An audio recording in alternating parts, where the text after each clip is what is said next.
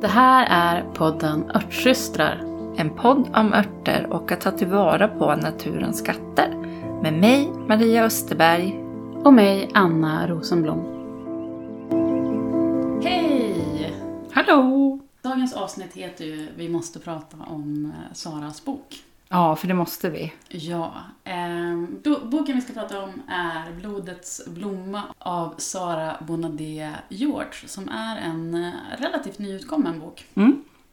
Eh, Och det här tycker vi är den ultimata hängmatteläsningen för sommaren för alla som är intresserade av växter. Ja, för att det är inte bara liksom örter ur ett liksom örtmedicinskt perspektiv, utan här är det växter.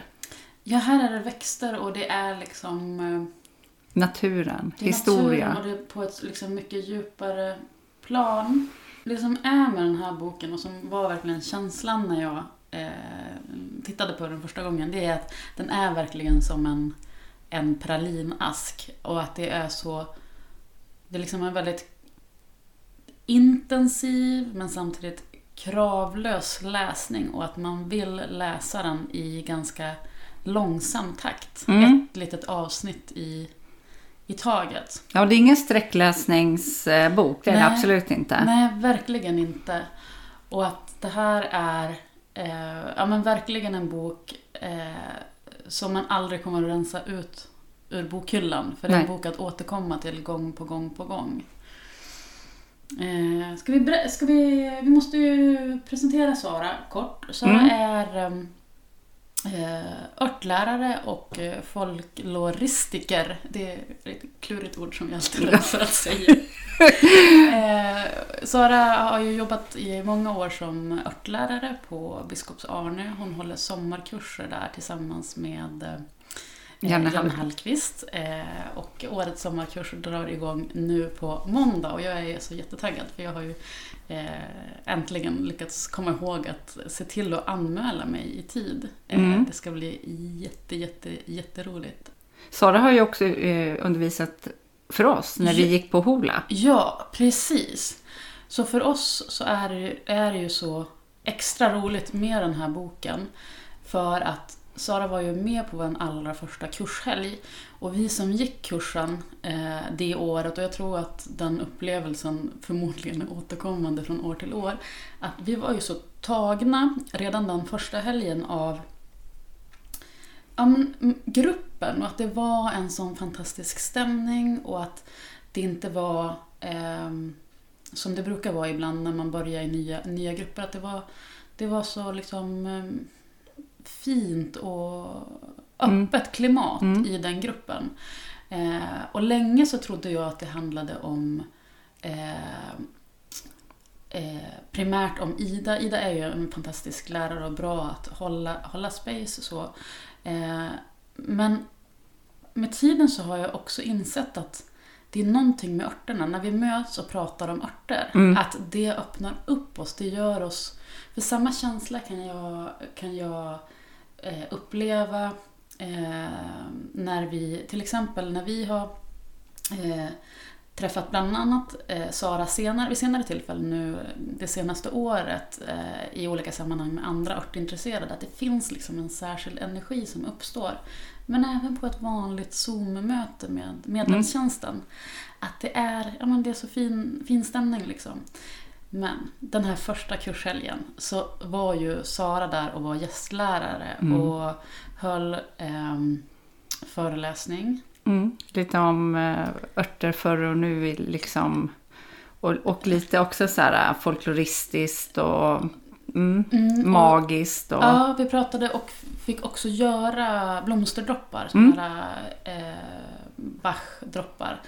Eh, och ja, men vi bar ju med oss det där mötet och jag vet att, liksom att vi har, har ju pratat så himla mycket om det i efterhand. Liksom. Ja, alltså jag personligen blev helt mesmerized. Det är det bästa ordet jag kan använda Mm. av Saras bara uppenbarelse. Bara hennes energi är ju helt magisk. Mm. Verkligen. Och nu då har ju Sara kommit ut med en bok. Och den är liksom i en tid då bokutgivande har blivit allt märkligt nog allt vanligare. Det är fler som gör det och det finns fler, eh, fler sätt att nå ut med böcker. Man kan ge ut egna böcker och så vidare. Samtidigt som vi har tenderat till att läsa färre böcker så har ju Sara gett ut en bok som den är så vacker och den här är ju utgiven av Gidlunds förlag.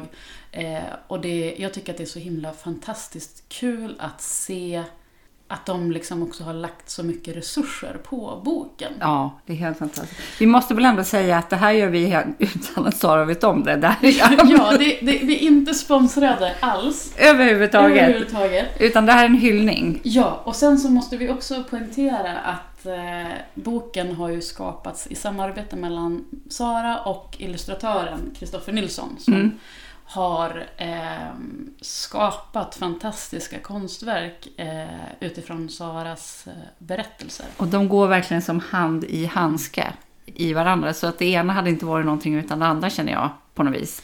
Att illustrationerna till den här texten, mm.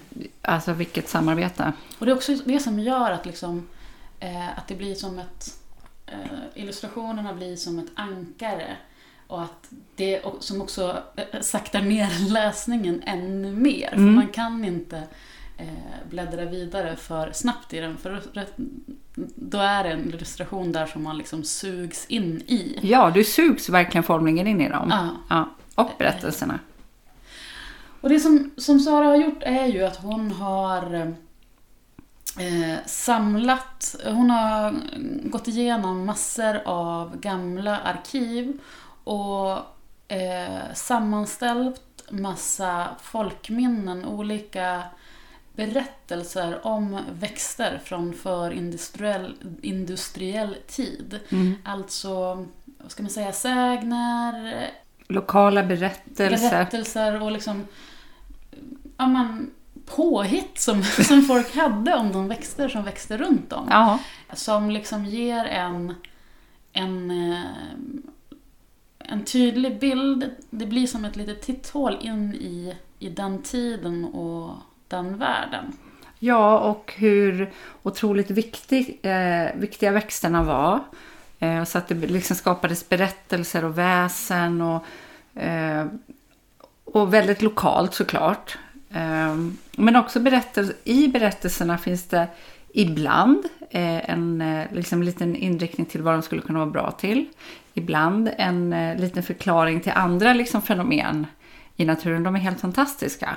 Och vissa berättelser om samma växt skiljer sig otroligt mycket mellan landskapen. Mm. Och, och, samtidigt också som, som de här berättelserna är väldigt lokala så är det eh, återkommer ju liksom samma berättelser ja. fast i olika, ja, men med vissa variationer. Eh, och Sara är ju väldigt kunnig även om, om folklore i andra, i andra länder. Mm. Eh, och det, det är det som är så unikt med den här boken, att det finns inte riktigt, det finns inte alls någon, någon sån här bok sedan tidigare som, som har sammanställt eh, den svenska folkloren i förindustriell tid. Det är mycket, mycket vanligare i England till mm. exempel. Där finns det jättemycket. Eh, och att det är eh, det är ett sånt, sånt viktigt arbete hon har gjort av ja. att liksom verkligen dammsuga arkiven. För det är liksom inte att, det, att hon har gjort en sökning i ett, ett bibliotek och ja, men här är de här, utan det är liksom timmar och åter timmar som hon har eh, suttit och letat efter eh, nedteckningar, nedteckningar mm. av berättelser som rör just eh, våran flora. Och det, det är ju liksom massor av små berättelser, uppteckningar som liksom vävs ihop med, med Saras berättande röst som eh, tar oss igenom den här boken. Mm. Är det någon särskild berättelse som har fastnat hos dig? Ja, alltså alla mm. skulle jag säga. Eh, det var några, Sara har ju, eh, några berättelser känner man igen eftersom vi har träffat Sara och hon har varit eh, lärare åt oss. Mm. Eh, men eh, en berättelse som jag tyckte var, eh, eller som jag, som jag bara fastnade för, det var om enträdet och att skogsrået bor i enträdet. Mm. det var liksom lite nytt för mig. Ja. Sen finns det också en berättelse, den pratade du och jag om båda som en berättelse och det var Mariablommorna. Mm. Eh, blommor som tidigare har burit namn av Fröja. Eller fått liksom... ehm, de har varit viktiga, men eh, ju mer liksom kristna vi blev, desto mer var man tvungen att flytta från de gamla gudinnorna till jungfru Maria. Mm. Eh, det var också, tyckte jag, väldigt spännande. Du då? Ehm, ja men alltså den här historien om eh, eken och att eken inte fäller alla sina blad. Just det. Eh, och den berättade ju Sara första gången när hon var gäst här i podden Mm. i höstas. Och historien är ju att det var djävulen som Ville döda alla barn. Ja, han ville ha, han ville ha några barn och så gjorde, i den här historien så gjordes en överenskommelse mellan eh, Gud och djävulen och Gud sa att du får de Ni- barn som föds när eken har släppt alla sina löv. Ja. Och det gick djävulen med på. Ja, han tyckte ju det var en jättebra. Japp, de tar jag. Och sen dess så släpper aldrig eken alla sina blad. Och efter att man har hört den där historien så den fastnar ju. Man tänker ju på den varje gång man passerar ett... I alla fall jag här i Västernorrland där det inte är så himla mycket ekar. Ja, men även jag i Uppland som går förbi ekar hela tiden har eh, haft den historien med mig hela vintern. Och sen tyckte jag om, eh, jag tyckte också om berättelsen, det berättade hon också om i podden, att eh, man ska alltid lämna några äpplen kvar på äppelträdet. Mm. Så det var, gjorde jag i år för första gången. Mm. Och varför ska man göra det? Därför att eh, Fröja ska få ett äpple. Ja, precis. Eller gårdstomten, beroende på var i landet. Mm. Och precis, och det, där, ehm, det fanns så, i boken så beskriver hon också hur det fanns så himla många olika varianter på den här eh, berättelsen för att Fröja skulle komma och hämta den på julaftonen. Mm. Och att det som hände då var att nej, hon skulle komma och skaka ner dem så att de ramlade ner. Mm. Så att om det inte blåste på julafton och att de inte eh, ramlade ner så var man själv tvungen att gå ut och skaka ner dem. Yes, För annars skulle det inte bli ett bra år. äppelår. Men bara för att återkomma kort till det här med ekarna.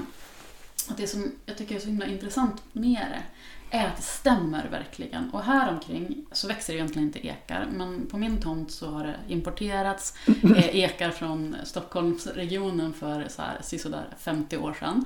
Som nu liksom eh, är jättestora. Eh, och sen har de spritt ut bebisar i, liksom, i mitt eh, närområde. Så längs stigen upp till skogen till exempel finns det en liten planta och längs stigen som leder ner till sjön där vi badar finns Mm. det en liten planta. Som inte är, och här utanför kontoret också så eh, är det, börjar det bli en ganska stor planta där nu. Du, du ser den alldeles där utanför. Mm. Och på de här minsta plantorna som jag, liksom, jag, menar, jag går, går förbi dem eh, ofta liksom. Trots att de är så små, även de har ett, Blad ett, kvar. ett, ett enda blad som liksom håller sig kvar.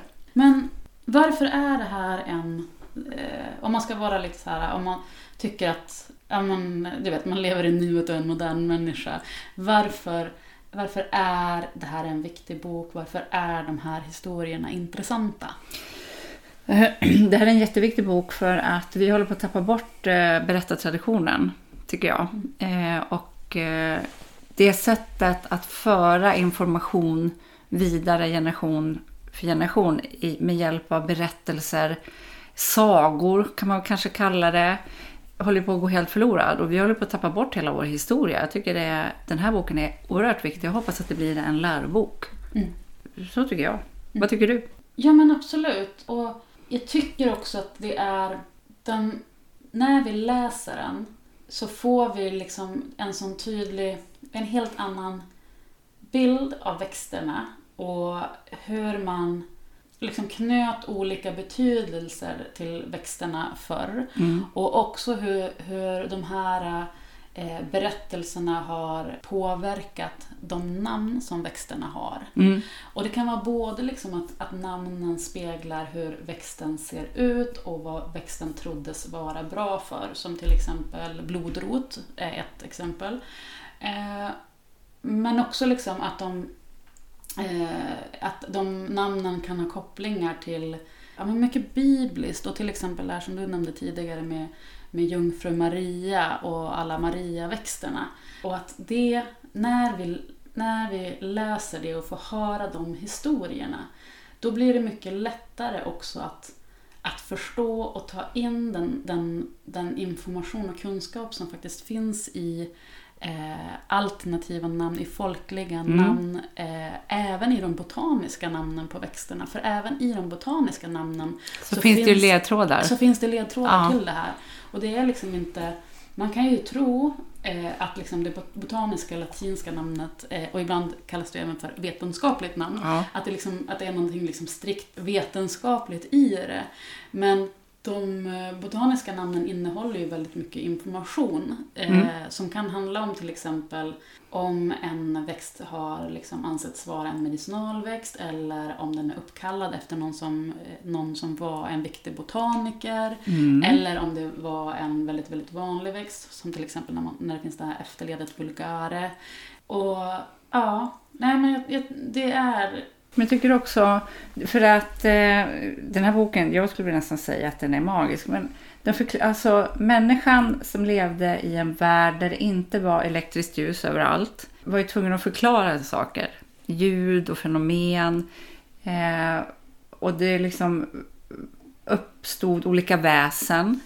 Eh, det som jag tycker är så himla spännande det är ju att det är samma väsen överallt. Trots att eh, de som eh, har berättelserna kring de här väsenen, de har inte liksom träffat varandra, men det är samma väsen och de Mm. har ungefär samma egenskaper oberoende på var. Mm. Eh, Det tycker jag är jättespännande. Mm.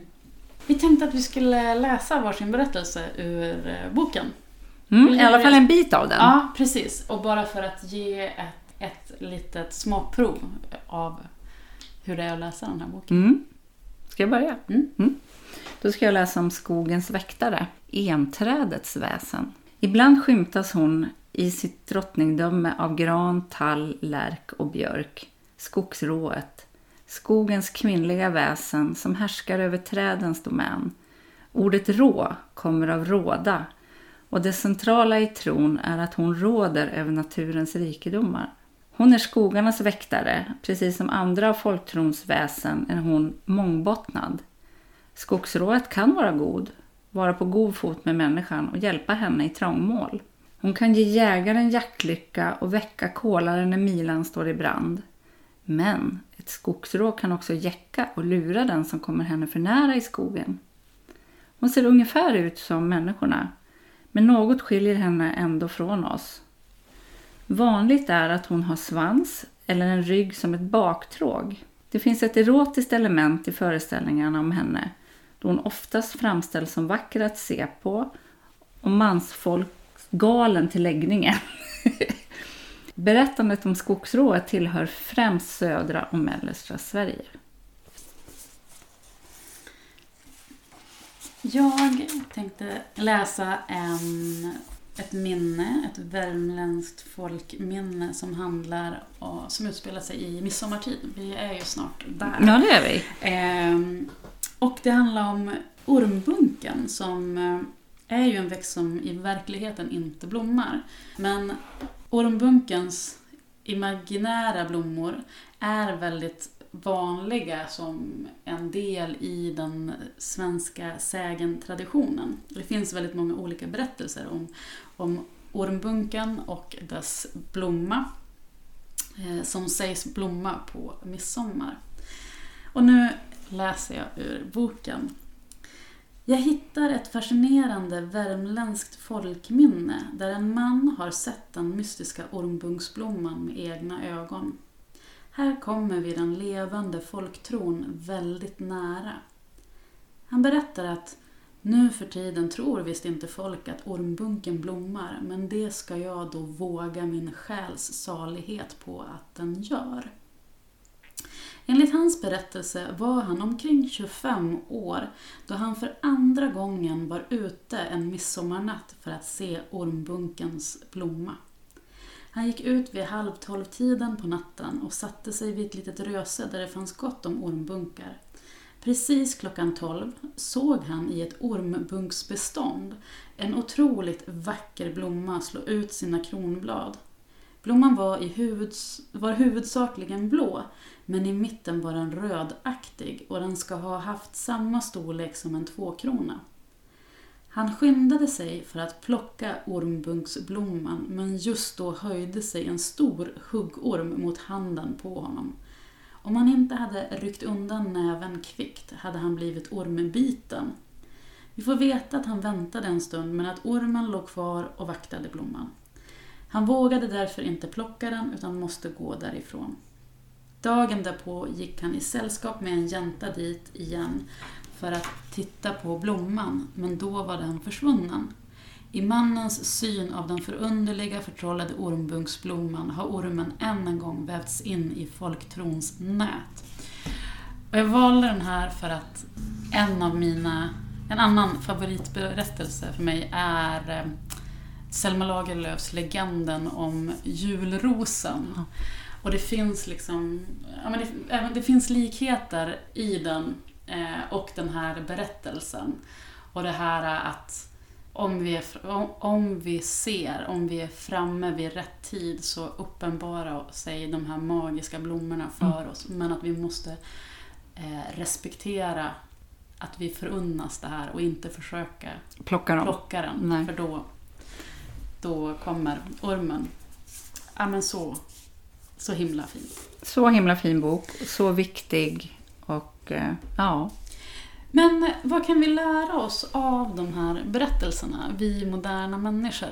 Jag tycker att eh, många berättelser handlar ju om att om du hugger ner ett träd eller bryter av en gren eller någonting så, så kan du komma liksom i, få, bli osams med småfolk eller eh, så att liksom håll inte på att förstöra i naturen. är ju många berättelsers liksom eh, budskap. Mm. Och att de manar till en respekt. Ja, en respekt och eh, en ödmjukhet. Mm. Eh, så det tycker jag är väl eh, en av de viktigaste grejerna att ta med sig av det här. Att vi kanske idag inte... Jo, jag gör det, men alltså att vi bryter inte grenar, vi hugger inte i onödan. Vi, liksom, vi har en respekt för naturen. Och att vi frågar om lov ja. innan vi tar och inte tar. Mm.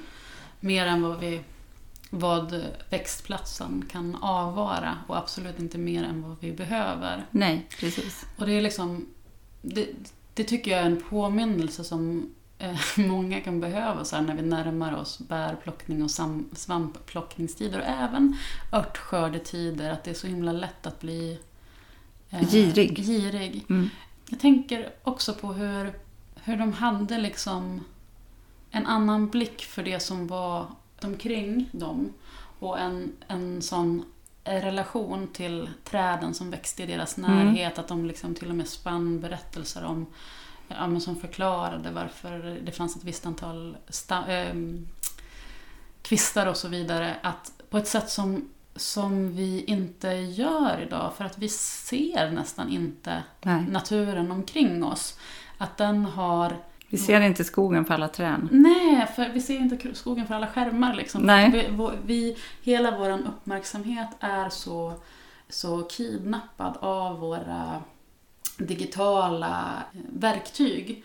Och att jag tror också att på den där tiden så människan har ju, alltså det finns ju en anledning till varför vi sitter och kollar på Netflix. Mm. Det är för att vi har behov av att bli underhållna och att vi suktar efter berättelser. Mm. Men att nu när vi bara, när vi serveras dem på löpande band så behöver vi inte eh, väva dem själva. Och Nej. tidigare så var man tvungen, så, så för att liksom fördriva tiden så satt man och stirrade på ett träd och, och så kom massa berättelser, ja. massa liksom infall.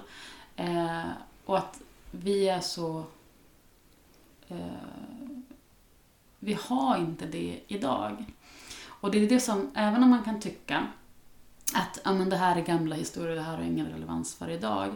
Så genom att läsa boken och liksom, eh, liksom få kika in i det här lilla titthålet till de här människorna som levde för, eh, ja men vad blir det, drygt 200 år sedan.